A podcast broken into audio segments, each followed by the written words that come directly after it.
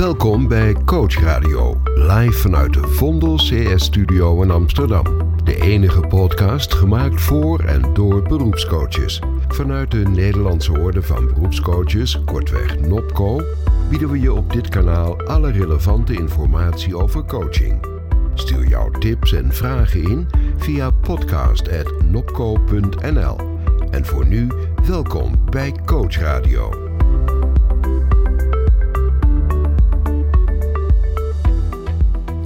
Ja, een hele goede morgen. Het is vandaag vrijdag 26 juni live vanuit Vondel CS. Welkom opnieuw bij de Nopco Radio podcast, aflevering 7 over het thema trauma. We hebben diverse gasten vandaag en uh, we gaan het uh, met hen hebben over dit thema. De, de, eerste gast die ga ik maar meteen introduceren. Het leven van Ferry Zandvliet veranderde in één klap toen hij getuige werd van een van de meest heftige terroristische aanslagen ooit in Bataclan, Parijs. De schok, het trauma en de reacties vanuit de buitenwereld op deze gebeurtenissen hebben hem blijvend veranderd. Als spreker beklom hij wereldwijd grote podia om zijn verhaal te delen met politici, militairen, zakenmensen en andere toehoorders. Zijn verhaal raakt mensen in hun ziel, omdat Ferry in staat is gebleken van zijn trauma een enorme kracht te maken. Vandaag spreken we hem over deze omslag. Van harte welkom Ferry Zandvliet. Hi, goedemorgen. Ontzettend uh, geweldig dat je er vandaag uh, bij wilt zijn. Jij was aanwezig tijdens de enorme Bataclan-aanslag in Parijs. Er zijn uh, 130 mensen overleden, in totaal honderden gevonden. Wie was jij eigenlijk voor die aanslagen? Uh, Ferry Zandvliet ook in ieder geval gewoon. Maar ik was fysiotherapeut op dat moment. En ik stond op het punt om... Ik was ergens gaan werken waar de deal een beetje was... Nou, als je hier naar je zin hebt, dan, dan zou je volgend jaar in kunnen kopen. Oké. Okay. Dus en, dat, en dat jaar liep bijna ten einde. Dus uh, dat zat er een paar weken later aan te komen. En, ik, zou, ik, zou, eigenlijk ondernemer gaan worden. En welke kant stond de meter op? Ja of nee op dat uh, aanbod? Ik twijfelde nog wel. Ik, maar ik, ik had het wel gedaan. Oké. Okay. Want ik wilde graag, ik wilde niet meer voor een baas werken. Oké, okay, dat, dat, dat, wist je al wel. Nou, dat is gelukt uiteindelijk. nog goed gekomen, maar daar hebben we het zo wel over. Hey, en, en uh, was jij een introvert iemand? Was jij, uh, want nu, nu sta je op podia, te, je hebt een heel verhaal, er komt een boek aan, je bent ineens een, een bekende persoonlijkheid aan het worden. Was jij toen ook al zo'n type? Um, ik was niet heel introvert, laten we het zo zeggen. ik heb ook altijd in de horeca gewerkt. Okay. Ik heb hier, voordat ik fysiotherapeut werd, hoge hotelschool gedaan. Oké. Okay. Dus uh, bijna in elke kroeg in Rotterdam heb ik wel een blauwe maandag gewerkt. Dus ik, uh, ik, uh, maat van me zegt, jij een lekkere ouwe ben jij gewoon. Dat ben ik altijd wel geweest. Altijd graag heel veel mensen om me heen. Maar ik stond niet per se heel graag op het podium. Dat, zeker niet juist. Want uh, de, we hadden net het voorgesprek al even over dat ik vroeger, als ik op school uh, een of mijn groepje vond van, nou moet jij wat presenteren. Nou, dat was verschrikkelijk. Dat. Dat, dat, dat zat niet in natuur. Dat die jongen die gaat ooit de wereld over om uh, op een podium te staan. Nee. Hey, en, en, en kende je jezelf de manier, want je bent natuurlijk enorm geconfronteerd met jezelf, met, je, met, een, met een enorm trauma waar je, waar je uh, ongemerkt zomaar inglijdt op zo'n moment. Uh, wat in hindsight, wat was je anders voor die ramp dan je nu bent? Ik was wel iemand die vroeger heel erg in de slachtofferrol kroop, altijd. Oké. Okay. Dat is, ik was, um, als ik een tegenslag had in het leven. Um, dan lag het in ieder geval nooit aan mij. Zo iemand was ik wel. Ik gaf altijd andere, ik gaf altijd andere mensen de schuld. Uh, een uh, slechte beoordeling op mijn werk. Dat, dat lag niet aan mij. Dat lag, daar keek ik niet van. Of dat kan ik hiervan leren. Het is gewoon een rotmanager. Dan lag het aan ja. mijn werkgever. Of ja. het lag aan mijn vriendin bij een ruzie of dergelijks. ja. Dat was wel... En het, dat, dat, dat, dat, ik was niet alleen maar zo. Maar dat was wel een kantje van mijn karakter. Waar ik me niet echt van bewust was dat ik dat in me had. Het was een naarkantje van me, laat ik het zo zeggen. En, en wat, hoe is het dan mogelijk dat als je zo'n. Want je bent midden in een aanslag, dat lijkt me extreem onwerkelijk. Zonder nou helemaal in dat moment te duiken. Maar wat verandert er dan? Hoe kan het dat zo'n primaire karaktereigenschap op zo'n moment dan aangepast wordt of verandert geleidelijk? Hoe werkt dat volgens jou? Dat gaat ook niet in één keer natuurlijk. Hè? Dat snap ik. Uh, maar, maar jij gaat het uitleggen, toch? uh, daar, daar heb ik wel wat, een paar jaar over gedaan. Maar je, ik, ik denk zelf dat het komt omdat je zoiets groots meemaakt. Dat eigenlijk, het is groter dan dan jezelf, dan iets dat je ooit in je leven hebt meegemaakt. En ik voelde na die aanslag wel een beetje dat oude gedrag natuurlijk terugkomen. Van, nou, waar, hè, want ik had ik die altijd klaagt over alles, had ineens een aanslag meegemaakt. Van, dat was natuurlijk even, waarom overkomt mij dit nou weer? Het ging uit met mijn vriendinnetje, ik ben mijn werk ook verloren. Dus genoeg reden om weer enorm die slachtofferrol in te kruipen. Wat ik vroeger dus altijd deed. En ik deed dat ook wel een beetje in het uh, begin.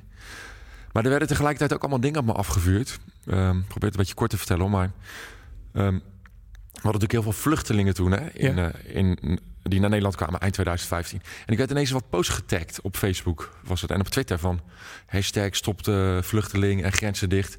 Zo van mensen die ineens dachten, oh, hij heeft een aanslag overleefd. Je zou ook wel tegen Zie je, zie je, zijn. zie je ja. wat dat we gelijk hebben, maar ook mensen om me heen. Eh, je hebt natuurlijk allemaal, je hebt allemaal, mensen in onze vriendengroep die natuurlijk ook dat soort gedachten hebben waar je als Ja. op verjaardagen met een biertje een discussie mee hebt. En die dachten ineens van, als hij, nou heeft hij dat meegemaakt, nou vindt hij ook wat ik vind. Ja. En dat is een van de dingen dat wel echt iets in mij triggerde toen van, nee, nee die, die, die kant ga ik echt niet op. Want als ik me, en, en als ik dat dan ook kop aan mijn eigen boosheid, als ik die kant op ga, dan wordt het echt. Dan heb ik alle redenen om in die slachtofferrol te kruipen, om boos te zijn. Dus je voelde dat dat heel destructief zou worden als je die kant op ging. Nou, ik, eh, in hindsight, als ik ja. terug ga, de- denk ik dat ik had het niet echt door dat ik dat op die dat, dat het zo ging. Maar als ik terugkrijg, denk ik, ik ben me gewoon een beetje af gaan zetten tegen wat ik om me heen zag gebeuren. Want ook mensen die eh, bijvoorbeeld, na, die hadden dan niet die aanslag overleefd, maar die gingen ineens allemaal dingen niet doen. Terwijl ik al na een week wel weer naar een concert ging. Dat ik dacht, je Maar hoe kan dat? dat je daar, eh, werd je daarin begeleid? Had je meteen zoiets van: ik heb nu eh, hulp nodig om daar zover te komen? Of heb je dat allemaal op eigen kracht gedaan? Ja, dit, dit- is wel op eigen kracht gegaan. Ik heb natuurlijk ook wel heel veel therapie en zo gehad. Maar misschien dat, dat u daar ook nog iets interessants over te melden heeft. Over, over, over dit stukje. Want, want het, het- het- Ja, je, wij, je gaat- wijst naar eh, Greet, die Ja, eh, ja, straks het- eh, die gaat, het- gaan we ook nog interviewen. Ik Ja. wel graag je. Ja. Oh, sorry. Ja, ik, zei, ik heb net je gezegd. Waarom zeg ik nou ineens u? eh, Omdat we... eh, Officieel in de opname zitten.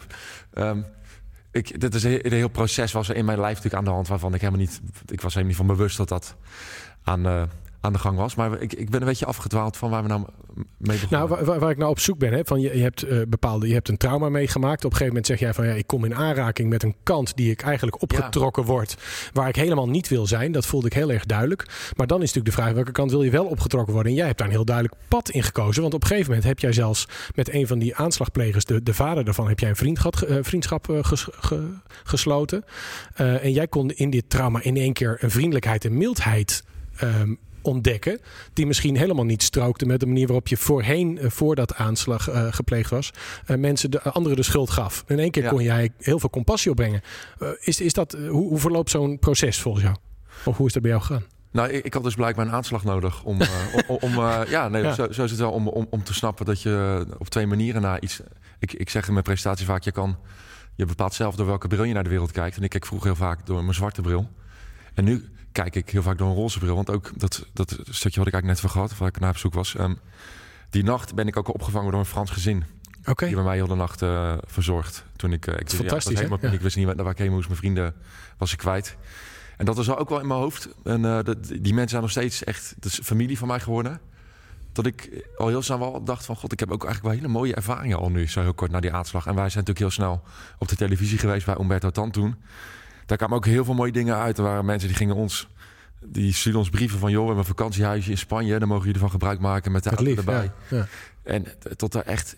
Dat je denkt, god, ik heb een aanslag overleefd. Maar er, kan, er gebeuren alleen maar mooie dingen nu. Dus je ervaarde ook dat de reactie van andere mensen die heel liefdevol was, dat die eigenlijk veel beter aansloot bij jouw gevoel. En dat het veel prettiger was om de wereld door die bril te bekijken dan door de. Eigenlijk boze. was dat Ja. altijd al beter bij me. Maar Ja. ik snapte dat niet. En toen dat eh, met die vader op mijn pad kwam... ehm, dat, dat kwam toevallig door... RTL Late Night was hij te gast. Dat hadden wij gehoord. En dat we gebeld van, joh, kunnen we hem ontmoeten? Dat had ik wel. Ik dacht, de vader van een uh, terrorist, Bijzonder, ja. die is in de buurt. Ja, die wil ik wel ontmoeten. Ja, Natuurlijk. en ehm, mensen zijn vaak op zoek. Ja, wat, wat, wat wilde je daar dan uithalen? Wat was je motivatie? Ja, ik, we waren er toch een beetje onnozel in. We dachten, oh, die, die- ik wil gewoon horen wat die man... En wie zijn we dan? Eh, Bob, een van mijn andere vrienden. Oké, die Hij daar ook was. ja, Ja. ik wil die man ook wel ontmoeten. En wat is iets van, ik wil, we willen zijn verhaal gewoon horen. En dan? Wat- helemaal- wat hadden bracht he- dat? We hadden helemaal geen mening gevormd nog. En dat was ook wel grappig toen. Dat, eh, toen we dat dus... ehm, ik had op mijn Facebook gepost van wij gaan de vader van de terrorist ontmoeten. En heel veel mensen die stelden me vragen, ja, waarom wil je dat dan? En eh, god, kijk wel uit. En waarom zou je dat doen? Dat ik dacht, oh, ik wil gewoon die man ontmoeten. Je voelde dat Ja. gewoon. Ja. Nee, dat iedereen was op zoek naar hele grote vragen. En god, wat hoop je daaruit te krijgen? Ik, ja, weet ik veel. Ik wil gewoon die man ontmoeten en, en zien wat hij te vertellen heeft. Ik, voor mij, ik, ik vind het heel fijn om lotgenoten te ontmoeten. Mensen die bij die aanslag waren. Dat vind ik altijd fijn, want je praat al niet over die aanslag. Maar je voelt wel dat je iets deelt met elkaar. Mhm. En bij die man dacht ik ook, ja, die is ook slachtoffer van die, van die aanslag. Maar dan van een hele andere kant. Daar heb ik nog nooit iets over gehoord. Die heeft zijn zoon vast niet gezegd. Ik denk dat het een goed idee is als je vanavond het Bataclan opblaast. Hè? Dus dat, Nee. zo staat zo iemand natuurlijk ook niet in. Maar dat wist ik niet. En, maar van, ik dacht eigenlijk wel het feit dat hij hier voor op de televisie komt. de- de- die heeft vast wel een goed verhaal te vertellen. En dat was een ontzettend mooie ervaring. Ik ben daarna zelfs nog een keertje alleen naar hem thuis geweest. Bij hem thuis op bezoek geweest. En, en snap jij ook als je het verhaal hoort van zo'n man, dat zo'n jongen in met of je nou eens bent of niet met dat gedachtegoed, dat zo'n jongen zo radicaliseert dat hij dat zo ziet. Want het gebeurt natuurlijk op meer plekken in allerlei culturen. Het is nu ook aan de orde van de dag dat mensen op een gegeven moment geweld gaan gebruiken. Kun je ook uh, achteraf zeggen, ja, daar kan ik dan ook al, kan ik me ook in inleven? Of zeg je van nee, daar zit nog wel altijd een grens? Ik zou me daar nooit in kunnen inleven. Nee. nee. Uh, ik heb wel zijn verhaal gehoord van die vader en hij heeft al een beetje uitgelegd hoe dat is gegaan. Want het scheen nogal een gevoelige, kwetsbare jongen te zijn die weinig vrienden had en op een gegeven moment met een verkeerd clubje in contact is gekomen op de straat. Die zijn samen naar een van de beruchte moskee in het noorden van Parijs mhm. gegaan. Waar een of andere predikant allemaal ellende stond te prediken. Zelfs zijn vader een keertje mee naartoe genomen daar. En die zei van jongen, dit, hier moet je niet meer naartoe gaan. Want wat die man daar verkondigde, dat is niet goed. Maar dat is toch in zijn hoofd blijven zitten. En uh, zijn ouders zeiden, hij zat ineens alleen maar op zijn kamer. Um, op internet, predik online predikanten te kijken. Liet ineens zijn baard staan. Uh, ook zei hij tegen zijn ouders van... Um, waarom gaan jullie eigenlijk nooit naar de moskee? Of niet vaker? Op zijn 25ste kwam hij daar ineens mee. Dus die ouders zeiden, we zagen echt dat hij aan het veranderen was. En ze... Maar jij zei, jij zei net ook van, ik heb die aanslag nodig gehad. Jij was natuurlijk iemand die vroeger ook anderen de schuld gaf. Misschien deed deze jongen dat ook wel. In hoeverre had jij hem kunnen zijn? Ja, de, de, dat linkje, dat leg ik ook letterlijk was in mijn verhaal. Ik weet het natuurlijk niet. Maar ik was wel, eh, zo leg ik het dan meestal uit, een, eh, een goede vriend van me zei... jij was echt een oude zeikert vroeger. Er was altijd wat met jou. Maar als je een biertje op had, altijd klagen en zeiken over mensen, roddelen ook. En ik, ik, zie daar wel een beetje een gelijkenis in. Ik was ook als een soort terrorist mensen bij mij vandaan aan het drijven. Want er waren ook mensen die, die hebben wel eens later tegen me gezegd van... soms nodigden we jou ook gewoon niet uit. Nee. Omdat we dachten, even geen zin uh, in vanavond. En nu kom je, want ik ken die niet wat hoor. Je komt aan, een hele zachtaardige, prettige, ontspannen ben kerel. Ja, nee, maar goed, dat, dat is, is dus wel... En wat grappig is, dat er dus uh, fysiek voelbaar is... Dat, dat er dus een veranderingsproces in mensen zit. En, en wat ons natuurlijk ook in ons vakgebied boeit. En denk van, denk jij dat mensen die een traumatische ervaring meemaken... Uh, per se in staat zijn om daar hun voordeel mee te doen? Of, of, wat, of als dat niet zo is, wat hebben ze nodig om daar hun voordeel mee te doen? Nou, het enige wat ik daarover kan zeggen is, ik, ik ontmoet heel veel mensen die uh, aanslagen hebben overleefd. En je ziet daar echt mensen in die na vijf, zes jaar nog steeds heel erg in die slachtofferrol zitten. Zoals ik, de, dan zie ik eigenlijk hoe ik vroeger was. Toen ik denk van, jezus, kom op hé. Even een schop onder je hol en maak wat van je leven. Blijf niet zo uh, klagen. En je ziet mensen die gewoon redelijk relaxed zijn naar wat ze hebben meegemaakt. En mensen die een beetje zoals ik er echt heel positief uit zijn gekomen. Een beetje strijdlustig. En, en wat, wat heeft die switch voor jou mogelijk gemaakt? Wat, wat zijn de ingrediënten daar in elk geval van? Behalve dat het een heel heftig trauma was. Want dit was iets anders dan een botsing. Het zijn al die dingen bij elkaar. Die, die positiviteit die toch wel heel snel op mijn pad kwam. Um, dus die lieve Franse familie die de compassie toonde waarmee jij het zelf kon voelen. Maar ook het realisatiemoment. En dat is gewoon de, de, het key ding in mijn proces geweest. Dat ik me dus realiseerde dat ik dat vroeger altijd deed. Want ik, ik wist niet dat ik vroeger altijd zo liep te zeiken op alles. Ik, ik, ik deed, en wat diende je? Wat, wat, wat, wat heeft ervoor gezorgd dat je dat ging doen überhaupt? Eh, kun je dat, eh, heb je dat ooit eh, kunnen vinden? Van nou, Er waren wel mensen die het tegen me zeiden. Om, doordat ik, ze zagen mij dus veranderen. Mensen die heel dicht bij me staan. Die zeiden, je bent echt, wel, je bent echt veranderd door, na de aanslag. Heb je dat niet door? En op zich dacht ik, ja, ik voel ook wel aan mijn lijf dat, ik, dat er wat veranderd is. Ik zeg altijd, ik, ik heb een soort bullshit filter nu ik maak me niet druk meer om dingen. Dat, ik weet nog dat, dat ik, het was maar een paar weken na de aanslag, dat ik een lekker band had op de snelweg. Mhm. En ik weet nog, ik zet mijn auto langs de weg. Ik ging de ANWB bellen en die band werd verwisseld. En ik kreeg echt, ik dacht, God, wat, heb ik, wat, wat ben ik hier? maar joh, wat scheelt er de energie? Ja. Dus, dus ik merkte wel van, er is wel iets veranderd. En ik, ja, dat komt natuurlijk gewoon dat je in een... Te, ja, ik heb in een zaal gelegen waar ik mensen omheen doodgeschoten heb zien worden. En ik ben daar levend uitgekropen.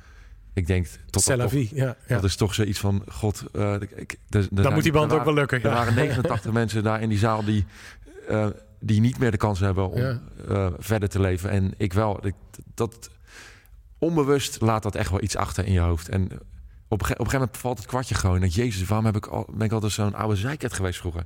Nee, maar daarom een andere vraag. Hè, van, heb je ooit uh, want, want, als kind uh, word je ook niet wakker dat je dus overal commentaar op hebt in de wieg. Wat, is dat, wat heeft dat patroon jou eerst geboden? Zeg maar? Hoe heb je dat eerst überhaupt ontwikkeld? Heb je dat ook kunnen vinden? Waarom, wat het je vroeger blijkbaar diende? Nou, mijn vader is, is ook wel een beetje zo, moet ik eerlijk zeggen. Is het ook gewoon Rotterdamse cultuur? Nou, hij komt uit Den Haag. Oh, Den Haag, oké, ja. Mijn vader is ook een beetje oude zeikert, nog steeds trouwens. en het- ik denk toch wel dat ik wil duik niet te veel, eh, dat is ook niet aardig. Maar daar, ik denk wel dat het daar, daar komt het vandaan. Daar komt het vandaan. En het is natuurlijk ook, eh, om, om ook even je vader te verdedigen, het is ook wel grappig vaak, toch? Jawel, zeker. er zit iets komisch in. Ik, ik was vroeger ook aardige vent hoor. Alleen ehm, wel met echt een zwart randje waar mensen niet altijd zin in hadden. En dat randje is gewoon weg nu. ja, ja, heel bijzonder. De- en, en doordat ik mensen om me heen op mij zag reageren, realiseerde ik me dus dat ik veranderd was. En toen ging ik denken, ja, wat was er vroeger dan anders? Ik dacht, jezus, ik was inderdaad. Ja, bizar. Moest ik nou weer die aanslag overleven? Omdat, eh, Nou, wij zijn heel dankbaar dat je dat hebt gedaan. Hey, en je hebt jouw ervaring, ga je ook opschrijven in een boek. Dat gaat eh, later dit jaar uitkomen. Ja. Eh, wat, wat gaat erin staan? Eh, het, het, we, hebben het in twee delen ingedeeld. Eh, De, de aanslag, de aanslag zelf en een klein beetje wie ik vroeger was. En deel 2, dat hebben we het boze mannetje genoemd. Ja. Dan ik en, de, en mijn redactrice, Jessica, Jessica van Geel, heel blij mee. Ehm, en in dat tweede deel moet je als lezer een beetje meekrijgen... hoe die oude zeikert die ik vroeger was... nu positief is geworden en ineens over heel de wereld eh, ze, reist en zijn verhaal vertelt. Dus we lezen ook echt over dat, dat veranderingsproces. Ja, dat is heel moeilijk om op te schrijven. Ja, dat geloof ik, ja. Want, want Zijn we echt mee aan het eh, stuntelen. En Maar kon je- het wordt... eh, toen kon je niemand meer de schuld geven ook. nee, Want dit doe je dat is alleen. lastig, ja. Ja, dat is lastig. Moet je, eh, moet je ineens in de spiegel kijken de hele tijd. Maar hoe ben je daar doorheen gekomen? Door Om, het op te schrijven? bedoel Ja, was dat discipline of wat was de met, hoe heb je het afgekregen, het boek? Ik, ik heb het gewoon op papier gekwakt, echt zonder enige hulp. Oké. En dat was ik, het, het was oké, maar er moest heel veel aangesleuteld worden. En daar ben ik bijna vier jaar geleden al mee begonnen. Was ooit een tip van Umberto Tan. Ja. Van gaan dingen opschrijven, want je, Ja. gaat- je maakt zoveel mee, dat vergeet je. Ja. Dat je zo'n soort dagboek bij gaan houden. Op een gegeven moment dacht ik, god, dit is bijna een boek. Toen werd ik spreker, toen zei iedereen, heb je geen boek? Je moet een boek hebben. Top. Ik, oh ja, shit, ik moet een boek hebben. Maar ja, toen ben ik maar een beetje gaan schrijven. En eh, nu een redactrice in de hand genomen. En die, die geeft mij feedback en dan herschrijf ik het. Dus ik heb het echt zelf... En, en het boek is al klaar. Het komt eh, 13 november uit. Dat Ja. is natuurlijk vijf jaar na de aanslag. Ja, precies. Gaat er nog een, een bijzondere eh, presentatie komen? Of eh, moet iedereen gewoon het zelf in de gaten houden, 13 november? Ja, er zijn, er zijn aardig wat ideeën al. En die waren eigenlijk bevestigd. Maar door het corona kan dat goed in het eten gooien. Dus het ligt een beetje aan wat... Ik zou namelijk in het theater drie dingen gaan doen in november. Maar ik weet niet of dat nog mag dan. Nou, we gaan er allemaal achter komen. Ja. Ontzettend fijn eh, dat je er was. Eh, dankjewel, Ferry Zandvliet. Ja, en we gaan verder met eh, de volgende gast. Als mastercoach was mijn volgende gast zeer ervaren toen ze ook nog uitgebreid onderzoek ging doen naar traumatische ontwikkelingen. Met haar compagnon Anja Jonkind ontwikkelde ze het concept van posttraumatische groei. Ze stelt dat je iemand met een heftig traumatisch verleden niet per se moet aanschouwen als een gemankeerd mens. In bepaalde gevallen kun je hen zelfs zien als bijzonder waardevolle mensen. Geen kruis achter je naam, maar een sterretje op je schouder, zoals ze dat zelf al beschreef. Hoe kun je sterker worden door ellende? En wat maakt het verschil tussen de slachtofferrol en de heroïsche herreizenis? Ik spreek erover met Greet Vonk, die we als je aangespreken Greet. Hè? Want eh, ja, ik vond het, graag. geeft niks. We doen allemaal mee aan tafel. eh, Dus, eh, voor de mensen die thuis zitten en denken, wat zitten ze? We zitten dus aan een tafel in Vondel. Jelle zit, onze vaste boekrecensent, zit ook nog gezellig aan tafel. Dus we kunnen met z'n allen meedoen. Hey Greet, fijn dat je er bent. Om eh, meteen even met de deur in huis te vallen. Wanneer zag jij voor het eerst in levende lijven iemand die zich ontwikkelde na een trauma?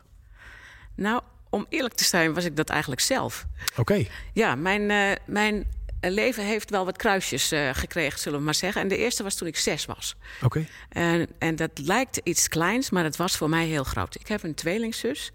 En toen ik zes was, speelden wij op een bouwplaats. En zij eh, kreeg een betonplaat, eh, betonpaal op haar eh, onderbeen. Nou, dat, dat denk je, nou ja, dan ga je in het ziekenhuis, krijg je gips en ga je weer naar huis. Maar dat was dus even niet zo.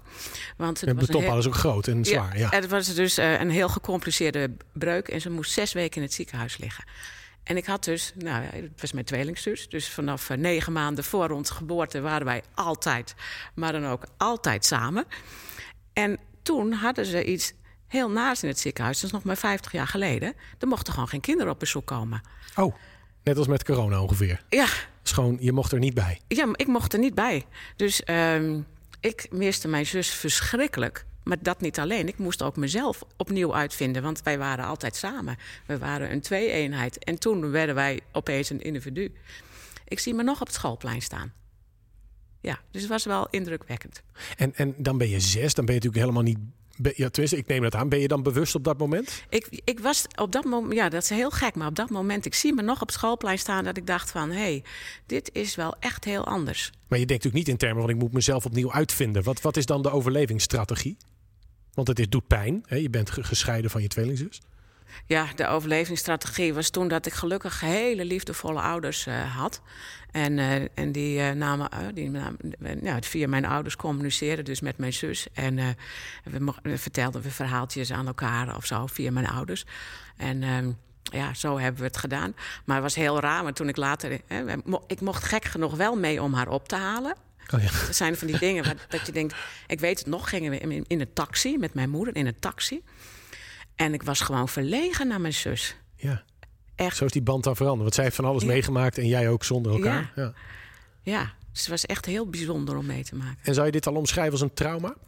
Nou, dat is wel. Um... Want wat is jouw definitie van een trauma? Ja, dat is een heel interessant. En het is goed dat je die vraag stelt. Want in, eh, ik ben gespecialiseerd in posttraumatische groei.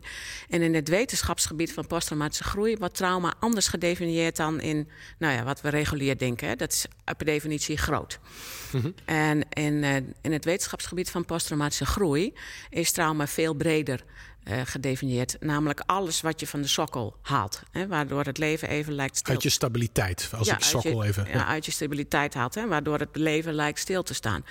En, en, en dat is natuurlijk per definitie zo bij hele grote trauma's... zoals Ferry uh, dat net vertelde.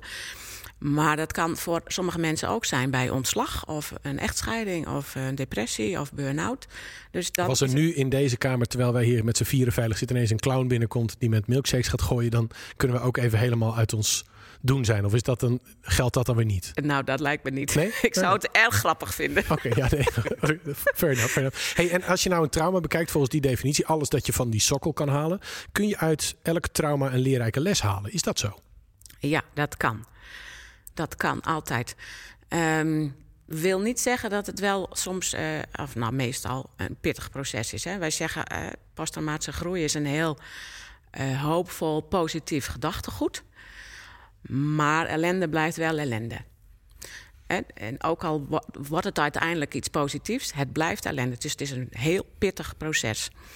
Maar dat kan bij alle vormen van ellende. Hè. Mijn, mijn collega Anja Jonkent, met wie ik veel hè, met nu, nu, samen een bedrijf heb, die werkt al 40 jaar vanuit dit, dit soort principes. Ik heb 20 jaar geleden ook van haar uh, geleerd. En zij zij doet dat zelfs met de meest heftige vormen van trauma, zoals seksueel misbruik, oorlogsslachtoffers, nou, verhalen zoals Ferry. Eh, dat kan gewoon.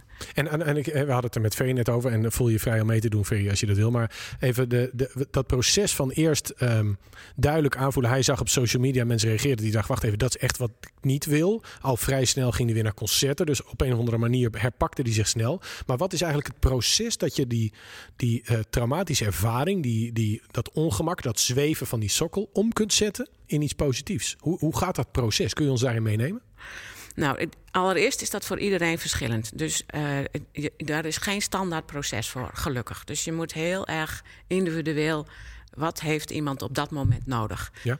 Wat je wel ziet, is dat daar een aantal dingen um, bij iedereen hetzelfde zijn. En één daarvan is, en dat is heel essentieel, is dat mensen eerlijk naar hun emoties gaan kijken. En dat is wat je vaak ziet, hè? Dat, dat het te groot voelt en dat mensen het dan wegstoppen. Uh, of het ontkennen of uh, wat dan ook. Ja, en dan komt het als vervormde of uh, emoties terug en dan, dan gebeuren er rare dingen. En moet je je daarvoor kwetsbaar kunnen voelen? Moet je, dat, moet je comfortabel zijn met die kwetsbaarheid? Je moet inderdaad, dit, dit proces vergt lef. Het vergt echt lef. Je moet kapot durven gaan. Je moet die emoties onder ogen durven zien. Ik denk dat jij dat ook hebt meegemaakt, uh, Ferry. Ja, ook, ook je omgeving moet, ja. die heeft ook een grote rol daarin. Ja. Maar hoe was dat voor jou? Heb je, ben je kapot gegaan? Ergens? Iets, een stukje van jou? Ik ben kapot gegaan, even op de verkeerde manier in het begin... doordat ik uh, op mijn werk tegen een muur aanliep van onbegrip. Toen de grote klap kwam. Die kwam best wel laat, na meer dan een jaar. Oké. En dan is het van, ah, je, je hebt dat nu wel allemaal gehad. Je gaat ook alweer naar concerten en... Zo van, je hebt het ergste nou toch wel gehad. En dat vond ik uiteindelijk het moeilijkste. Ja. Toen ik dacht, ik ga nu, nu ga ik echt kapot. En ik durf het nu ook uit te spreken. En het wordt eigenlijk niet geloofd. Zo voelde dat toen een beetje. Dat was echt, Dat, het, dat, Dus dat is ook heel eenzaam als mensen het niet geloven. Dat is verschrikkelijk, ja. Dat is echt met, ik, ik heb in mijn boek ook geschreven, dat stukje heb ik laatst geschreven, dat dat bijna nog erger was dan de aanslag om dat mee te maken. Bizar. Dus, de, Dat je dus moet verdedigen van... dit Ik mag dit voelen. Ik, voel, hoor. Ja. dit, ik, maak, ik, ik maak geen geintje, echt. En, en eh, Ja. Geet, herken je dat dat soms voor mensen die een trauma hebben meegemaakt? Dat hoor je natuurlijk ook vaak bij seksueel misbruik. Dat de omgeving dat best kan downplayen. Of, of, of de ervaring misschien helemaal niet als legitiem bestempelt. Terwijl het voor jou wel echt zo voelt. Ja, nee, dat, dat gebeurt regelmatig. Hè. Ik, ik sprak gisteren nog iemand die had eh, allemaal nare ervaringen meegemaakt. En die had zo'n ervaring van ja, na drie maanden gaan mensen weer gewoon tegen je doen. Ja, maar dan voelt het voor jou natuurlijk regelmatig nog helemaal niet gewoon. Nee.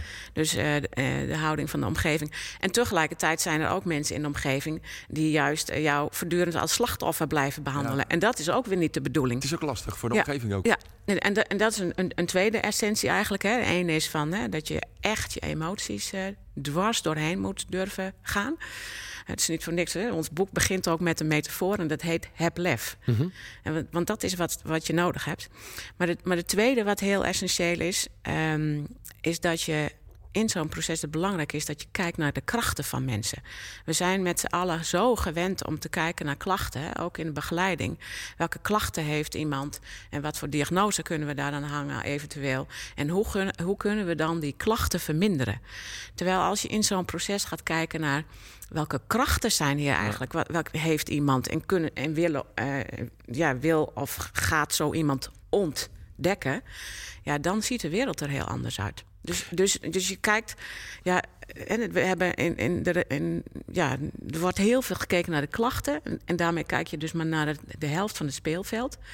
Terwijl de andere helft, de belangrijkste helft, is dat je juist naar krachten kijkt. En dan was jij al een hele ervaren coach. eh, totdat jij, of toen jij in een keer onderzoek ging doen naar die PTG. Je hebt die wetenschappelijk onderzoek naar gedaan. Wat waren daarvan in het kort de, de uitkomsten, de conclusies? Ja, nou, eh, in, in onze praktijk hè, begeleiden wij mensen met allerlei vormen van ellende. Maar als je wetenschappelijk onderzoek gaat doen, nou, dat weet je, weet je ook, dan moet je het inkaderen. Ja. En op dat moment was, ehm, was eh, burn-out volksziekte nummer één, nog steeds eigenlijk. En eh, daar was nog geen wetenschappelijk onderzoek naar gedaan. En, en, en ook in de, in de zorg hebben mensen, noemen, eh, artsen hebben zoiets van... ja, burn-out is helemaal geen trauma. Nou, om de dode donder wel. Ik ben nog nooit iemand tegengekomen... die zijn burn-out niet als een traumatische ervaring heeft meegemaakt. Nou, in de psychiatrie zeggen ze ook burn-out. Het is een vorm van een depressie vaak. Hè? Nou, ook, ja. Dus, dus het, het, eh, burn-out klinkt het dan wat lichter. Maar feitelijk, hè, je hebt, eh, in de medische wetenschap is burn-out niet zozeer een diagnose... maar een onderdeel van een depressie. Ja, nou, dat, dat zeggen ze, maar... De- Dat is moeilijk, hè? Ja, ja, is, dat is, nou goed, weet je... eh, Maar jij ging onderzoek doen in ieder geval naar die burn-out? Ja? We gaan niet ging, op de ik ging onderzoek hangen. doen naar burn-out. En wat, daar, wat daaruit kwam, eh, was eh, dat burn-out inderdaad ook... het kan leiden tot wat wij dan noemen posttraumatische groei. Hè, dat je sterker door je ellende kan worden. En, ehm, en waar er dus tot aan dat moment vanuit werd gegaan... dat als je een burn-out gehad hebt, hè, ook in de wetenschap... dat je een smetje blijft eh, houden. Er kwam uit, uit mijn onderzoek dat het helemaal niet hoefde.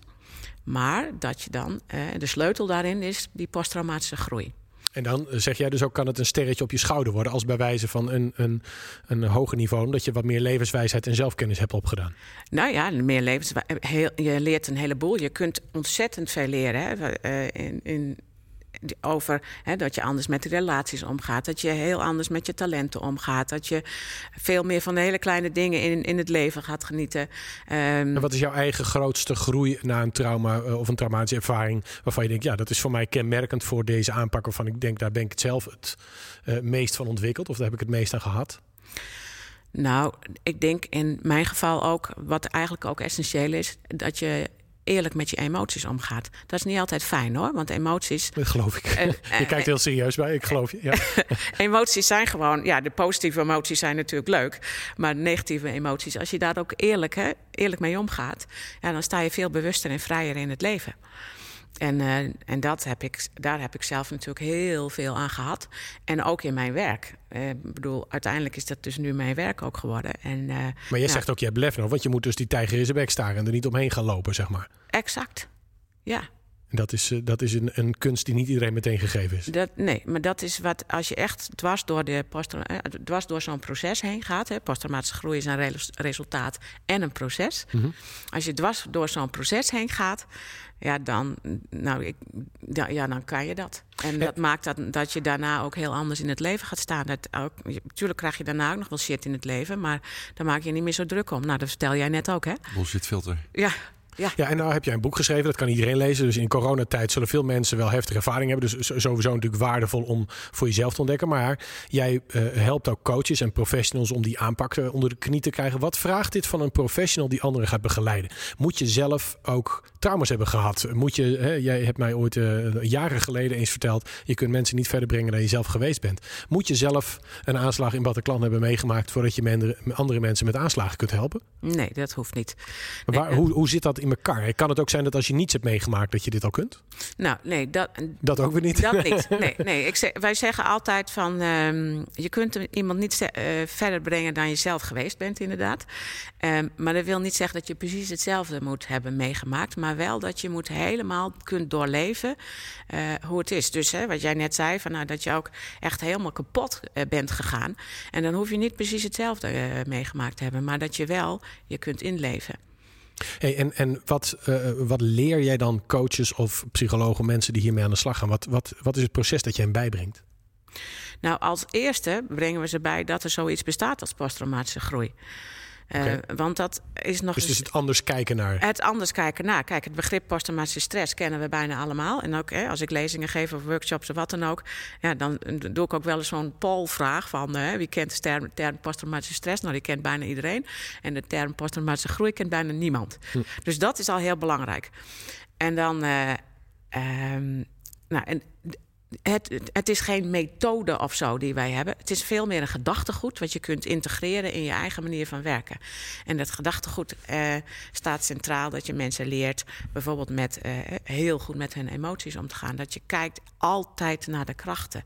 Eh, dat je ehm, mensen leert met eh, wat doet ellende met je? We hadden het net in het voorgesprek even over van um, dat uh, ellende ook heel veel invloed heeft op, op fysiek gestel van mensen. Nou, ja, dat weten gewoon heel veel mensen niet. Hey, en zou Ferry met een sterretje op zijn schouder ook uh, uh, nog uh, meer geschikt zijn om andere mensen te helpen, omdat hij zo'n ervaring wel heeft? Zou die uitermate geschikt zijn om in de PTG te gaan, gaan ondersteunen, mensen? nou, als je dat leuk vindt. Ja. Als je dat, kijk, dus je hoeft, je moet ook het moet ook passen bij wie je bent. Mm -hmm. ik, ik ben vanaf jongs af aan al eigenlijk uh, ja, met mensen, mensen hebben centraal gestaan. En, uh, en heb dit zo. Ja, ben, ik ben eigenlijk al heel jong hiermee begonnen. En uh, ja, dat moet bij je passen. Maar ik bedoel, je kunt het ook doen. Hè, zo wat Ferry nu doet, hè, lezingen geven. Daarmee kun je op, op die manier ook heel veel mensen inspireren. Ja, dus, dus het, ik denk het... dat we allemaal op verschillende manieren uh, zo'n ervaring kunnen delen met de anderen. Ja. En waardoor anderen uh, daar hun voordeel mee kunnen doen. En het belangrijkste is dat we leren om die gevoelens te accepteren, daarin te kunnen kijken en niet te omarmen. En als tweede dat we gaan kijken naar onze krachten en niet zozeer naar onze klachten. Dankjewel dat je er vandaag was. Uh, Geet Vonk. Graag gedaan. En aan de lijn hebben wij, als het goed is, zometeen Lilian Dekkers. Ze konden vandaag zij, uh, helaas niet zelf bij zijn, maar we bellen natuurlijk even met haar. Want zij heeft heel groot nieuws over de Nopco Academy. Lilian, heb ik jou aan de lijn? Zeker. Nou, wat goed. Waar, waar, Ameland, uh, oh, Ameland. Nou, ik, toevallig ga ik daar zelf morgen ook heen. Dus ik ben een klein beetje jaloers, want het schijnt dat ik onweer krijg en jij zit hier natuurlijk in de zon te bakken, of niet? Uh, ja, iets met een beachclub, zand aan de voetjes. Ja. En, ja. Druk, dus... druk, druk. Zwaar leven bij Nopco. Ja. Hey, afgelopen Heel week uh, kregen wij als, als uh, leden van de Nopco een mail met nieuws over een educatief platform van de Nopco. Nou, brand los, vertel ons er eens alles over. Educatief platform, wauw. Ja, online leeromgeving. Um, het stond al een tijdje uh, op mijn uh, wensenlijst, zoals dat dan zo heet, als bestuurslid voor Learning and Development. Um, en nu met de corona, nu natuurlijk een aantal events gewoon niet konden doorgaan, of een aantal events niet zo goed als alle events werden gecanceld, bood het eigenlijk extra gelegenheid om het versneld uit te rollen. En vinden. Ja, prachtige content met uh, wat langere webinars en wat kortere essentials, zoals we dat dan noemen. Ja. ja. dus even kort weer van, oh ja, hoe zit het ook weer Oh ja, um, en dat aanbod wordt steeds verder uitgebreid komende tijd. Hey, en, en wat is het doel? Dat, dat coaches dus uh, hun, hun vak kunnen ontwikkelen op dat platform? Moeten ze, kunnen ze zichzelf aanscherpen? Moeten ze, kunnen ze specifieke dingen opzoeken? Wat, wat is de gedachte? Ja, nu is natuurlijk relatief beperkt aanbod nog op. Uh, dus het is echt een soort van startcontent. Zo moeten de coaches dat eigenlijk uh, zien. Ja. Het, het, aanbod zal verder worden uitgebreid met echt uh, relevante onderwerpen. we hebben ook gedurende deze tijd hebben we natuurlijk een, een hele korte samenwerking gehad met, met de NoLock. En ook daar zijn een aantal zaken hebben uitgewisseld om gewoon wat krachten te bundelen.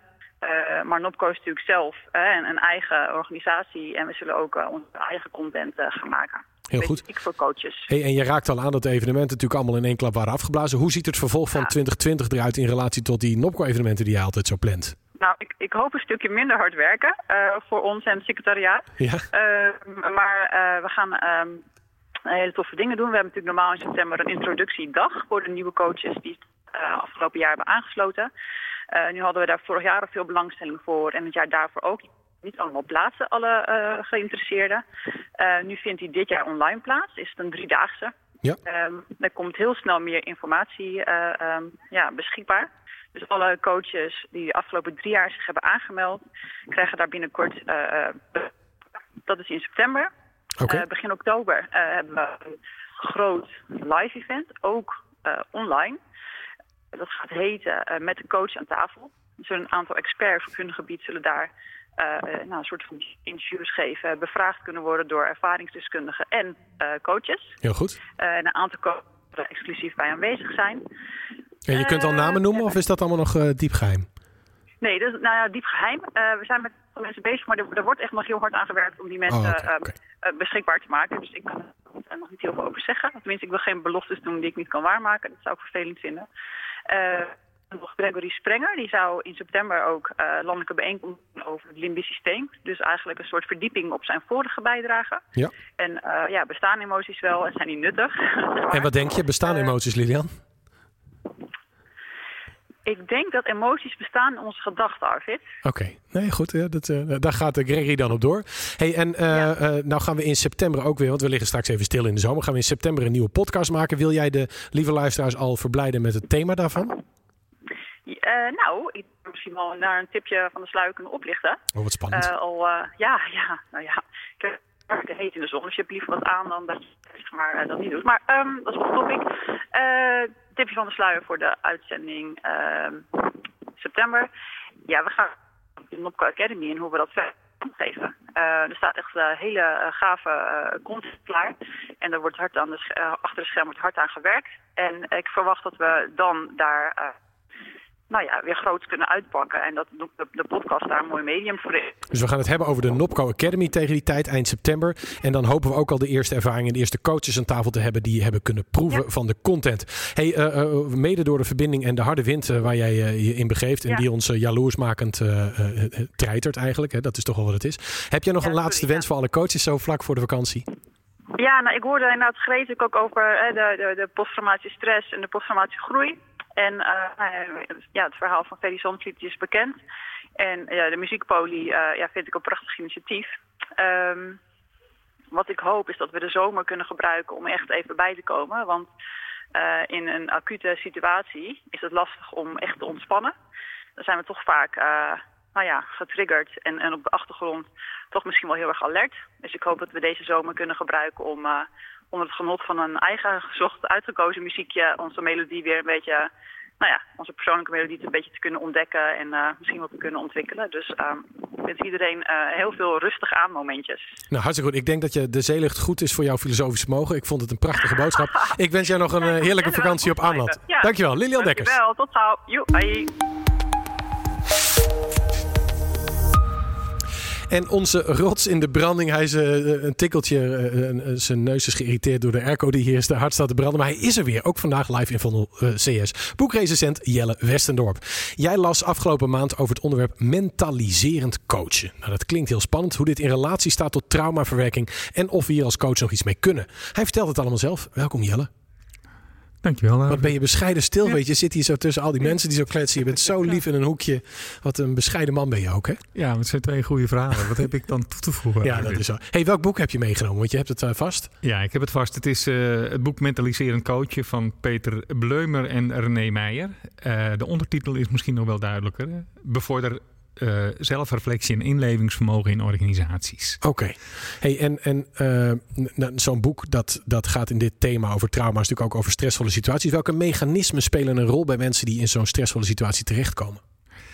Ehm, ja, in deze context van dat mentaliserend eh, vermogen, mentaliserend coachen, speelt dat bij stress, emotionele spanning, werkdruk, het kunnen nadenken en voelen over je eigen denken en voelen en dat van anderen, dat dat dus dan dramatisch vermindert. Dat onder druk, onder stress, dat het niet lukt om die zelfreflectie en de empathie naar anderen, om dat eh, ja, te blijven. eh, maar worden onze spiegelneuronen echt uitgeschakeld, zeg maar? Is dat Ja. bekend? Staat het... eh, Ja, er wordt gesproken over spiegelneuronen, Ja, eh, dat mechanisme. Ehm, dat klopt. Daar wordt, ja, of het uitgeschakeld wordt, biochemisch, geen idee. kunnen ze Maar nog niet weten waarschijnlijk. Ja. Het, het, het vermindert dramatisch. En wat je ook ziet. Eh, en wat ze schrijven, is dat eh, de verhouding tussen iemands eh, buiten- en binnenwereld, dat is wat in het boek genoemd wordt de ervaringsmodi die er zijn. Ehm, eh, die veranderen ook. En dat betekent dat mensen onder druk en stress, eh, bijvoorbeeld in, zoals zij het noemen, de equivalente modus komen. Eh, dat is voor iemand, betekent dat dat de binnenwereld en de buitenwereld eigenlijk hetzelfde zijn. Dus wat je zelf voelt, dat je meent dat dat gewoon ook zo is. En dat de wereld zo in elkaar zit als jij voelt. Ehm, en eh Ferry sprak over slachtoffergedrag. Dat is wel iets wat bij slachtoffergedrag eh, veel herkend wordt. Van, ja, wat, dat, wat jij voelt, dat dat eh, in de wereld aan de hand is. En dat, dat, dat de wereld dus eigenlijk de schuld is van wat er met jou aan de hand is. Maar gek genoeg bij jou, Ferry, was dat anders. Want jij ging eigenlijk meteen veel meer in de compassiemodus. En juist afstemmen op anderen en zeggen... nee, ik vind helemaal niet dat ik boos ben. Ik, hoe is dat voor jou? Heb jij dat, herken jij dit, dat, dat, dat het empathisch vermogen minder wordt? Of dat, werd het bij jou juist sterker? Of het empathisch vermogen sterker werd na die aanslag. Nou, het lijkt, eh, jij vertelde van... nee, ik kwam... uiteindelijk, uiteindelijk wel, ja. Uiteindelijk wel. Ja, maar in het begin niet. Nee, hè? Nou ja, wel. Ik, ik was natuurlijk met drie, drie vrienden. Ja. En we waren natuurlijk alle vier daar. Bij ons onderling wel. We waren echt een soort front waar niemand doorheen kwam. En we waren continu elkaar aan het troosten en elkaar op de hoogte aan het Hm. houden hoe we voelden. En we wilden ook continu weten hoe het ging met elkaar. Maar de rest daarbuiten, dat bestond, bestond een soort van, soort van niet. Nee, dat, Dus jij kent dat proces dat het dan uitgeschakeld wordt? ja. En een andere ervaringsmodus, eh, naast die equival- equivalente modus, eh, wordt in het boek genoemd als de als-of-modus. En dan eh, zijn er erge dingen geweest. Maar dan kan, als je in een coachsessie zit, kan een cliënt heel laconiek worden. Van ja, nou, het viel wel mee. En eh, ja, dit is gebeurd. Maar ja, alle dingen gebeuren. Alle mensen hebben wel wat. Dat wordt dan een als-of-modus genoemd. En die twee modi, die worden ook gekoppeld aan hechtingstijlen eh, in het boek. Dat is ook wel aardig om eh, te lezen dat vanuit kinderlijke hechtingstijlen dat die twee ervaringsmodi als volwassenen eigenlijk ontwikkeld worden. Ehm, en dat betekent dat mensen die eh, doorlopend in die ervaringsmodus zitten van ja, het slachtoffergedrag of nou ja, er is niet zoveel aan de hand dat daar heel weinig zelfreflectie, eh, heel weinig empathie, maar ook geen idee van eh, interpretatie. En zijn dat juist de slecht gehechten die dat doen? Of zijn het juist de goed gehechten die dat doen? Nee, dat zijn de, dat zijn de minder goed gehechten. Dus, oké. Ja, ja, ja. Dus mensen die eigenlijk ook al een trauma hebben, zoals dat, want Ja. vaak ligt eh, een slechte hechting wel een traumatische ervaring eh, eh, ten grondslag. En Greet knikt heel hard. Ja, Ja. klopt. Ja, we ja, hebben klopt. het heel vaak bij trauma's ook over hè, gebeurtenissen. Maar Ja. het kan ook een, een, een stroom van ervaringen zijn. Hè? Zoals bijvoorbeeld in een jeugdtrauma of eh, gepest zijn of geworden of discriminatie. Maar zie jij dan ook dat mensen eerder overgaan naar die een van die twee modi? Dat ze het dus eh, eh, ook gaan ontkennen of downplayen bijvoorbeeld? Of dat ze Dat, zich dat niet zie je vaak, dat zie je gebeuren, ja. Maar, en, maar het is natuurlijk allemaal eigenlijk ontkenning van je eigen eh, emoties. En wat ik net al zei. Ja. Hey, en Jelle, hoe, hoe kun je als professioneel coach nou interveneren wanneer iemand dit soort mechanismen toont? Hè? Dus jij zit met een cliënt tegenover je en jij merkt dat hij dat gaat downplayen. Hoe kun je interveneren als coach? Nou, die interventies die moeten eigenlijk heel simpel zijn. Want onder stress begrijpt geen enkele cliënt een complexe interventie. Wanneer je een complexe interventie hebt waarbij veel associaties gelegd worden van ja, je hebt dit gezegd en toen was dat en weet je nog voor het gesprek. Mhm. En dat je cognitief kun je dat als coach gewoon helemaal doordenken. En het proberen met de klant wil je dat uh, boven water krijgen. Die klant die begrijpt er helemaal gezicht nee. van, joh. Die is gewoon onder stress. Dus je moet het heel simpel doen. En dat betekent dus eenvoud. En zoveel mogelijk in het hier en nu kijken wat er gebeurt in het gesprek. En die situaties benoemen en samen onderzoeken. En, en niet per se op het gedrag maar juist op gedachten, gevoelens, motieven, verlangens. En op dat moment, dus, dus hoe voel je je nu? Wat komt er nu naar boven? Ja, ja, en als je uh, als coach er zit, ga maar even na. Van, je, zit in je hoofd, dat zijn de gedachten. Uh, je, um, uh, je, hebt gevoelens in je hart, je hebt motieven in je buik. En de verlangens zitten in je ballen, zeg maar. Ja. Dus ga het rijtje maar af. En dan heb je die vier die je kunt bevragen in uh, dat hier en nu moment wat er aan de hand is.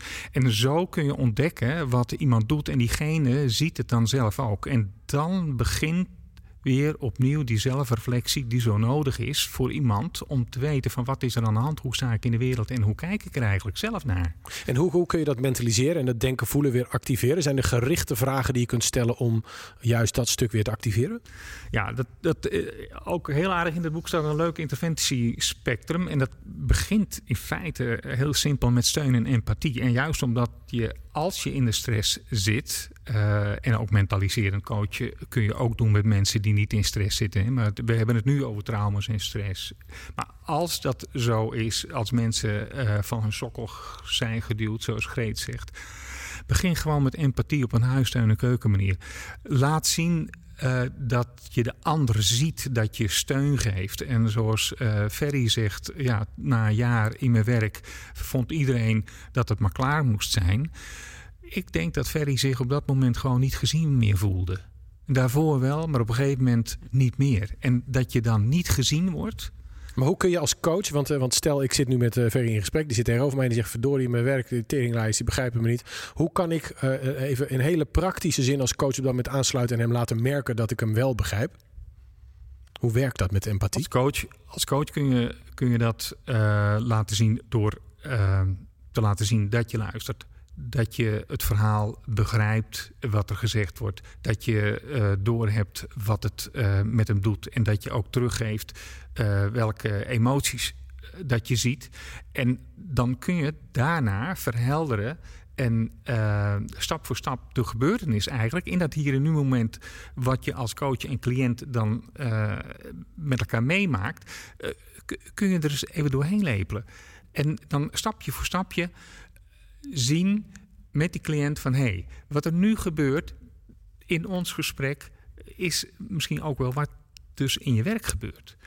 Um, ook weer opnieuw die gedachten, gevoelens, motieven en verlangens doorakkeren.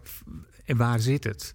En uh, dus de. de um, op het moment dat, dat de cliënt dan zegt: Ja, maar nu, nu weet ik niet meer waar ik ben sta stil en ga terug naar het moment dat de cliënt wist van, oh ja, daar was ik.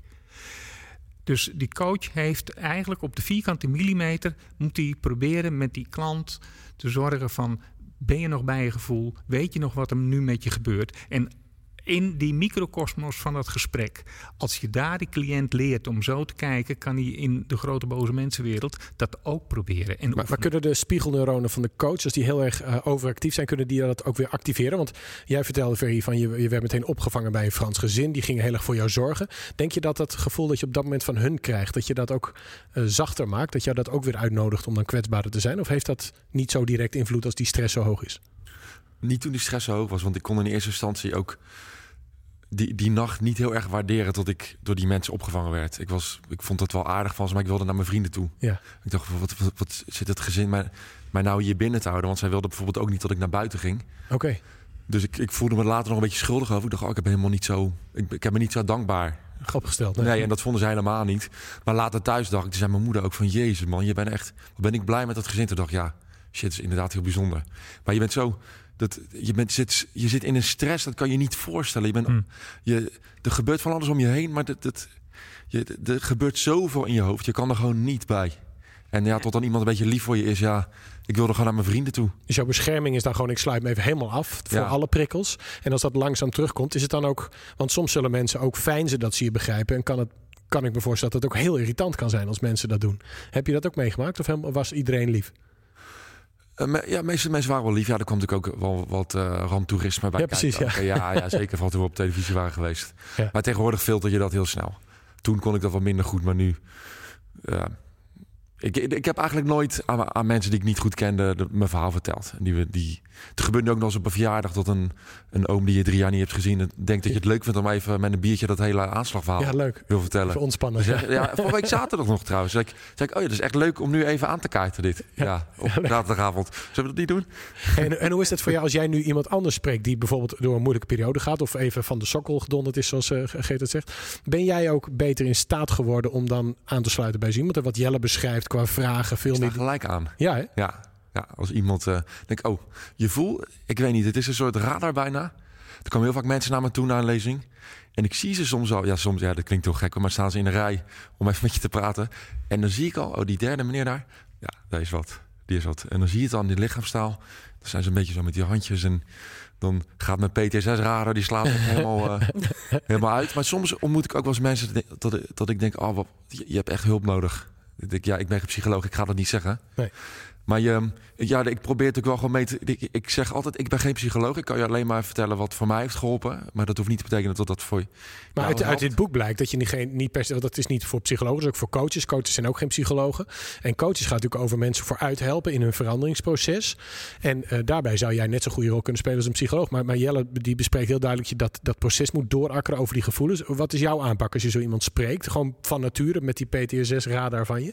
Wat, Nou, ik, ik, ik laat ze vaak even, even uitraten. eh, ratelen. Inderdaad ook, Hm. god, wat, wat- heftig je verhaal. En, eh, of ik vertel soms ook wat het bij mij doet. Van god, het komt even binnen. ja, De Dit moet ik, even, dit moet ik ook Ja. even verwerken. Ja.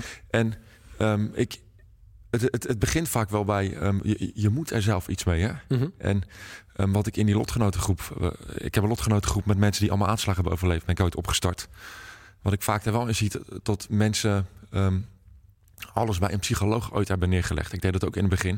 Ik dacht, ik ga nu naar, ik ga nu naar een psycholoog en die gaat mij beter maken. Ja, dat gebeurt niet. Nee. Die geeft jou ook tools waar je wat mee moet doen. En daar ga ik altijd een beetje naar op zoek van... eh, wa- wat, doe je zelf nu om eh, met die stress om te gaan bijvoorbeeld? ook omdat je En- weer grip wil krijgen dan?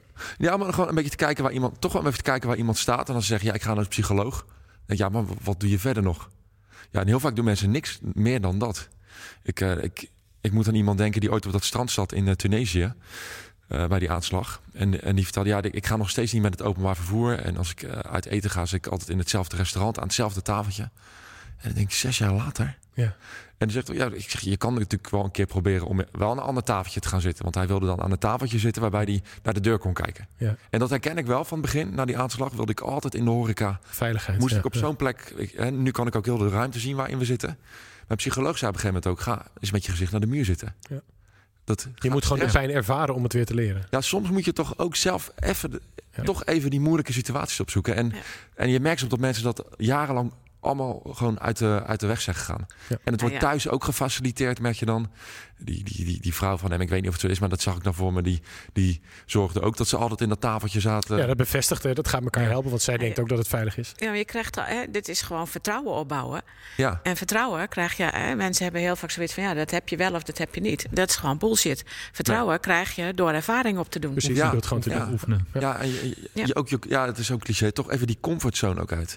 Ja. En ze nemen het van mij soms wel. Dat heb ik wel geleerd, doordat ze dan mijn lezing eerst hebben gehoord.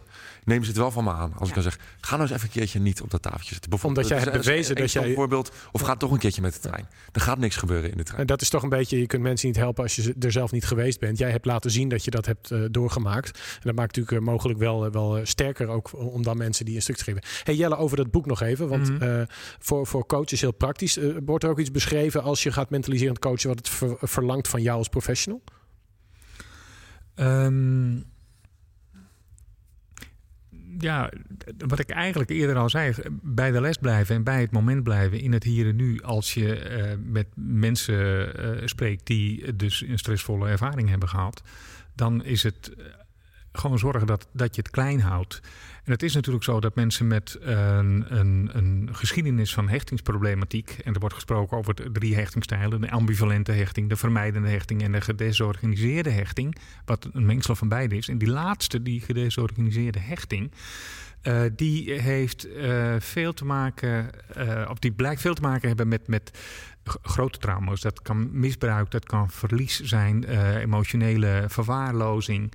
Um, en dan kun je als volwassene uh, nauwelijks in staat zijn tot zelfreflectie. Je kunt nauwelijks in staat zijn tot empathie en begrip van hoe het bij andere mensen werkt. En ook dat je geen idee hebt hoe interacties werken tussen mensen. Um, maar betekent dat ook dat als je als jong kind al ervaring hebt opgedaan met trauma's, dat je de rest van je leven moeilijker hebt met het omgaan met trauma's vaak?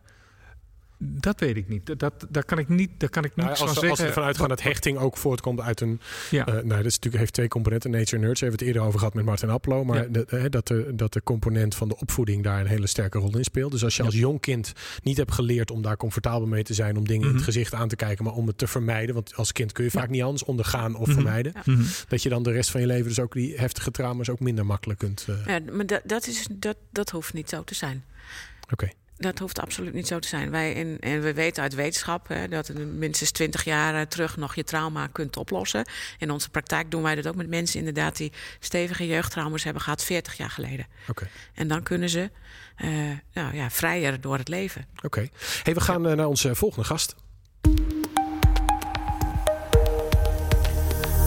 We gaan bellen met de volgende gast. Niemand minder dan Esther van Venema, psychiater, opiniemaker, auteur en tegenwoordig zelfs politica van NL Beter. In haar meest recente boek geeft ze antwoord op de vraag: waarom kan ik niet gewoon gelukkig zijn? Kun je met een traumatisch verleden nog gelukkig zijn? En wat bepaalt eigenlijk of mensen in staat zijn die veerkrachten gebruiken om te leren van een verleden? Denkt zij dat professionals cliënten hierbij kunnen ondersteunen? Of biedt medicatie bijvoorbeeld uitkomst? Ik spreek erover met niemand minder dan psychiater Esther van Venema. Van harte welkom Esther. Dankjewel. Ik heb je een productie. Ja, natuurlijk. Dat heb je allemaal zelf verdiend. Hey, je hebt een nieuw boek geschreven. Waarom kan ik niet gewoon gelukkig zijn?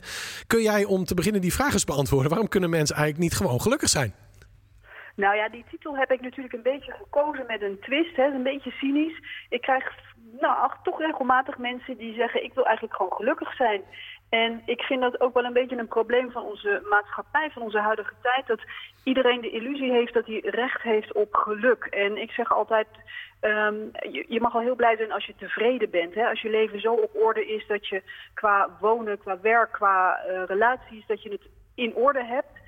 En als je dan tevreden bent, dan heb je mazzel. En dan af en toe als bijwerking zal je momenten van geluk kunnen ervaren. Maar dat continu gelukkig moeten zijn. Ik heb soms ook wel een beetje de twijfel of dat niet iets is wat afkomstig is van de geluksindustrie. Waar ook gewoon heel veel geld aan wordt verdiend.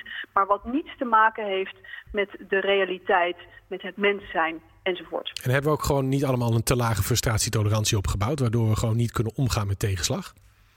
Nou ja, dat is inderdaad ook wel een beetje een punt van aandacht. Hè. De afgelopen decennia uh, leek alles maakbaar, hadden we overal recht op, zoals ik al eerder zei. En uh, ja, zie je ook dat de opvoedstijl er behoorlijk op gericht is om allerlei tegenslag en negativiteit weg te houden bij de kinderen. Waardoor als je eenmaal volwassen bent en met grote mensenproblemen te maken krijgt, ja, je onvoldoende weerbaar bent om bijvoorbeeld uh, tegen een relatiebreuk uh, te kunnen. Of als je een keer ja, ontslagen wordt of een tentamen niet haalt. Dat, dat heeft dan behoorlijke impact als je niet in je jeugd hebt geleerd hoe ga ik om met negatieve gevoelens, met tegenslagen, met dingen die gewoon naar zijn. Ja. Maar er wel bij horen. En we hebben het met onze vorige gast aan tafel hier uh, gehad over posttraumatische groei. Zie jij trauma's eigenlijk als kans om te ontwikkelen of is het ellende die je moet overwinnen? Ja, ik vind, dat, ik vind dat een lastige vraag. Want ik vind, uh, er zijn allerlei soorten trauma's. Maar als je het echt over een trauma hebt... Uh, waarbij iemand het risico loopt op een posttraumatische stressstoornis bijvoorbeeld... Uh, dan zie je dat er eigenlijk gebeurtenissen niet goed zijn opgeslagen in het hoofd van iemand... waardoor er in het hier en nu continu eigenlijk ja, negatieve gevolgen zijn. Dat iemand er last van heeft in het hier en nu. Of zoals ik wel eens zeg, met de handrem op leeft. Um, ik denk dat, dat de enige uh, positieve noot die ik daarbij zou kunnen maken, is dat gegeven dat je in staat bent om dat trauma op te ruimen, dat je daar goede behandeling voor krijgt, dat je wel meer inzicht hebt over wie jij bent en dat je meer uh, nou ja, zelfkennis daarin kan opdoen. Uh, wat altijd heel gunstig is. Maar ik, ik ben niet heel erg gecharmeerd van trauma als ja, ik, ik, ik vind het vaak toch heel negatief ingrijpen in mensenlevens. En je ziet ook als mensen niet behandeld worden door, voor trauma, um, ja, dat ze toch wel, wel behoorlijk kunnen dysfunctioneren daardoor. Hey, en waar worstelen patiënten of cliënten in jouw beleving het meeste mee? Um, en hoe bedoel je die vraag? Nou, als een trauma, trauma want we hebben het hier al gehad over de definitie van trauma. Hè. Die is natuurlijk in jouw vakgebied ook wel weer anders. Hè. Soms, uh, we hebben het hier aan tafel gehad over dat mensen die even van hun sokkel geblazen zijn, dat dat al een traumatische ervaring kan zijn. In jouw vak is dat natuurlijk veel zwaarder en veel heftiger. Waar, ja. Wat is voor de patiënt zwaarder? Is het de, de aandoening zelf of de manier waarop de omgeving daarmee omgaat of de uitzichtloosheid? Wat zijn de thema's waar ze het meest mee worstelen in jouw uh, praktijk? Nou, dat, dat kan heel erg variëren tussen mensen, maar wat je veel ziet is toch angst heel veel angst, uh, niet goed kunnen slapen, uh, keuzes maken die eigenlijk ja, geleid worden door het trauma en het vermijden van situaties om daar weer mee geconfronteerd te worden. Dus eigenlijk geen authentieke keuzes kunnen maken uh, die goed zijn voor je. Ehm, nou ja, prikkelbaarheid is ook een belangrijk symptoom. En dat mensen toch een kort lontje hebben omdat ze zo alert en op het hoede zijn vanwege dat getraumatiseerde karakter wat ze met zich meedragen. Dus het, het, wisselt heel erg. En ja, ik denk onbegrip vanuit de omgeving voor trauma. Van ja, maar dat was toch uh, twintig jaar geleden. Uh, het gaat nu toch goed met je, waar heb je het over? Uh, dat is natuurlijk ook een stukje onbegrip wat, wat, wat zwaar kan zijn voor mensen die daar elke dag mee uh, ja, moeten dealen. Ja. Hey, en als, als politica strijd je voor een volledige herziening van het zorgstelsel. In hoeverre moeten we anders gaan kijken naar patiënten met trauma's en hun ontwikkelkansen en die omgeving die het misschien niet begrijpt? Waar, waar zou, hoe zou jij dat inrichten? Als je straks de nou, eerste vrouwelijke premier bent natuurlijk. Hè? Ja, laten, laten we daarvoor gaan. Het schijnt deze week uh, heel erg trending te zijn. Zeker. Uh, ik, ik, ik vind dat een vraag waar ik eigenlijk nog uren voor nodig heb om daar een antwoord op te geven. Dus je dwingt mij om daar heel beknopt op te reageren. Het zorgsysteem uh, fundamenteel veranderen is denk ik best lastig. Wat wij willen doen is in ieder geval kijken of er bepaalde systeemfouten aangepakt kunnen worden. En dan heb ik het over overmatige bureaucratie. Uh, waardoor mensen toch nou ja, vastkomen te zitten in een systeem wat gebaseerd is op wantrouwen, lijkt het wel tegenwoordig. Daarnaast vind ik dat uh, nou ja, ziekte is een verdienmodel in het huidige zorgsysteem. Ik denk dat dat ook anders moet, hè, want dat geeft natuurlijk toch verkeerde prikkels af. Um, en ik denk dat leefstijl en preventie zo ongelooflijk belangrijk is. En ja, het is aangetoond dat je daar 40 tot 45 procent van de welvaartsziektes uh, mee kan aanpakken. Dus ik denk um, dat de dingen die wij zeggen als NL Beter, uh, waar ik inderdaad lijsttrekker nu ben, uh, dat die helemaal niet zo bijzonder zijn. Iedereen met een beetje gezond verstand is het ermee eens met een heel aantal punten die wij roepen en die door vele anderen ook worden benoemd. Alleen de Uh, het verschil is dat wij naar Den Haag gaan en wij willen ons echt met wet en regelgeving gaan bemoeien om te zorgen dat we het niet alleen maar met elkaar eens zijn, maar dat er ook echt dingen gaan veranderen, fundamenteel. En dan denk ik heel concreet aan de wachtlijstproblematiek in de GGZ. He, gisteren in de Volkskrant 11, 11.000 mensen op een, ja. op een wachtlijst. Uh, en moet je nagaan wat dat aan levenskwaliteit kost, wat dat aan geld kost, aan dysfunctioneren, niet kunnen werken. Ja, dat moet anders. En uh, ja, het is een kwestie van toch kijken naar wie heeft er belang bij om dat wel, maar in dit geval dus zoals nu is, niet aan te pakken. Ja. Hey, en uh, de, de, naast jou, want jouw carrière is uh, omvangrijk. Je bent ook muzikus. Je, hebt, je helpt ook heel veel muzici. In jouw vorige boek, Het Ontstemde Brein, stel je dat heel veel muzici psychische problemen hebben. Is het zo dat mensen die traumatische ervaring hebben ook mooiere muziek kunnen maken, omdat de emotie tastbaarder is? Dat vind ik een ontzettend leuke vraag. Kijk, um, muziek is, is een bizar fenomeen. Het is, het is een soort communicatie die we met elkaar hebben. Het gaat over emoties. En wat het fantastische en, en ja, geweldige van muziek is, is dat het een veilig kanaal is voor mensen om emoties te kunnen ervaren en te kunnen uiten. Hè? In het dagelijks verkeer in je jeugd uh, was het misschien niet heel erg wenselijk om boos of heel verdrietig te zijn, want dan kon je ouders misschien niet tegen. Maar in die muziek mag en kan werkelijk alles. Um, en ik denk zeker dat je een punt uh, te pakken hebt dat ja, veel muzici die zijn toch vrij getroubleerd opgegroeid. Uh, die hebben ingewikkelde persoonlijkheden. Um, die worstelen vaak inderdaad met emoties. En die creativiteit is natuurlijk ook niet alleen maar leuk. Want dat maakt toch dat je ja, veel dingen met elkaar koppelt en in verband brengt. En misschien ook negatieve dingen. En ik denk in dat opzicht dat muziek zoals ik net zei, heel helend en uh, gezond kan zijn als het gaat over het kanaliseren van emoties. Maar daarnaast voor ja, voor muzici, en dat, dat heb ik zelf ook ervaren, je moet elke dag moet je studeren, moet je toonladder spelen. Dus je kan niet zeggen van nou ja, ik, uh, ik drink me zo klem uh, elke avond dat ik in de goot lig. Want je moet en je zal zorgen dat je als muzikus uh, goed viool kan spelen en dat je een concert kan spelen op een podium. Dus ja, daar heb je ook een bepaald soort discipline voor nodig, die denk ik ook heel nuttig kan zijn. Ja, hey, en als, als laatste vraag nog even. Er zijn, luisteren heel veel coaches. we hebben het gehad over traumatische ervaringen. Waar ligt voor, voor, voor jou als, als medisch professional, vanaf welke grens kun je mensen beter niet als, als buitenstaander gaan, gaan behandelen, maar zou je ze echt moeten doorverwijzen voor een, voor een medische analyse? Waar ligt voor jou die, die grens? Wat, wat zou jij als laatste tip voor de luisteraars meegeven? Van joh, ga hier niet mee modderen, stuur dit door. Wanneer, wat, wat, wat, ja, waar, ik, waar ik vaak problemen door zie ontstaan is dat mensen te lang doorgaan met patiënten, want ik noem het toch altijd patiënten, die bijvoorbeeld depressief worden, hè, dus die zo somber worden dat je zegt van nou dit zou eens een depressie kunnen zijn, die al eerder hebben aangetoond dat ze een, een psychiatrische aandoening kunnen krijgen, zoals depressie of angst of misschien wel psychose, hè, dus dat je de werkelijkheid niet meer goed ziet. Um, die misschien heel kwetsbaar zijn, ook uh, als het gaat over moeilijke onderwerpen, dat ze zeggen van nou ja, ik merk dat ik dan suicidaal word, dat ik niet meer wil leven.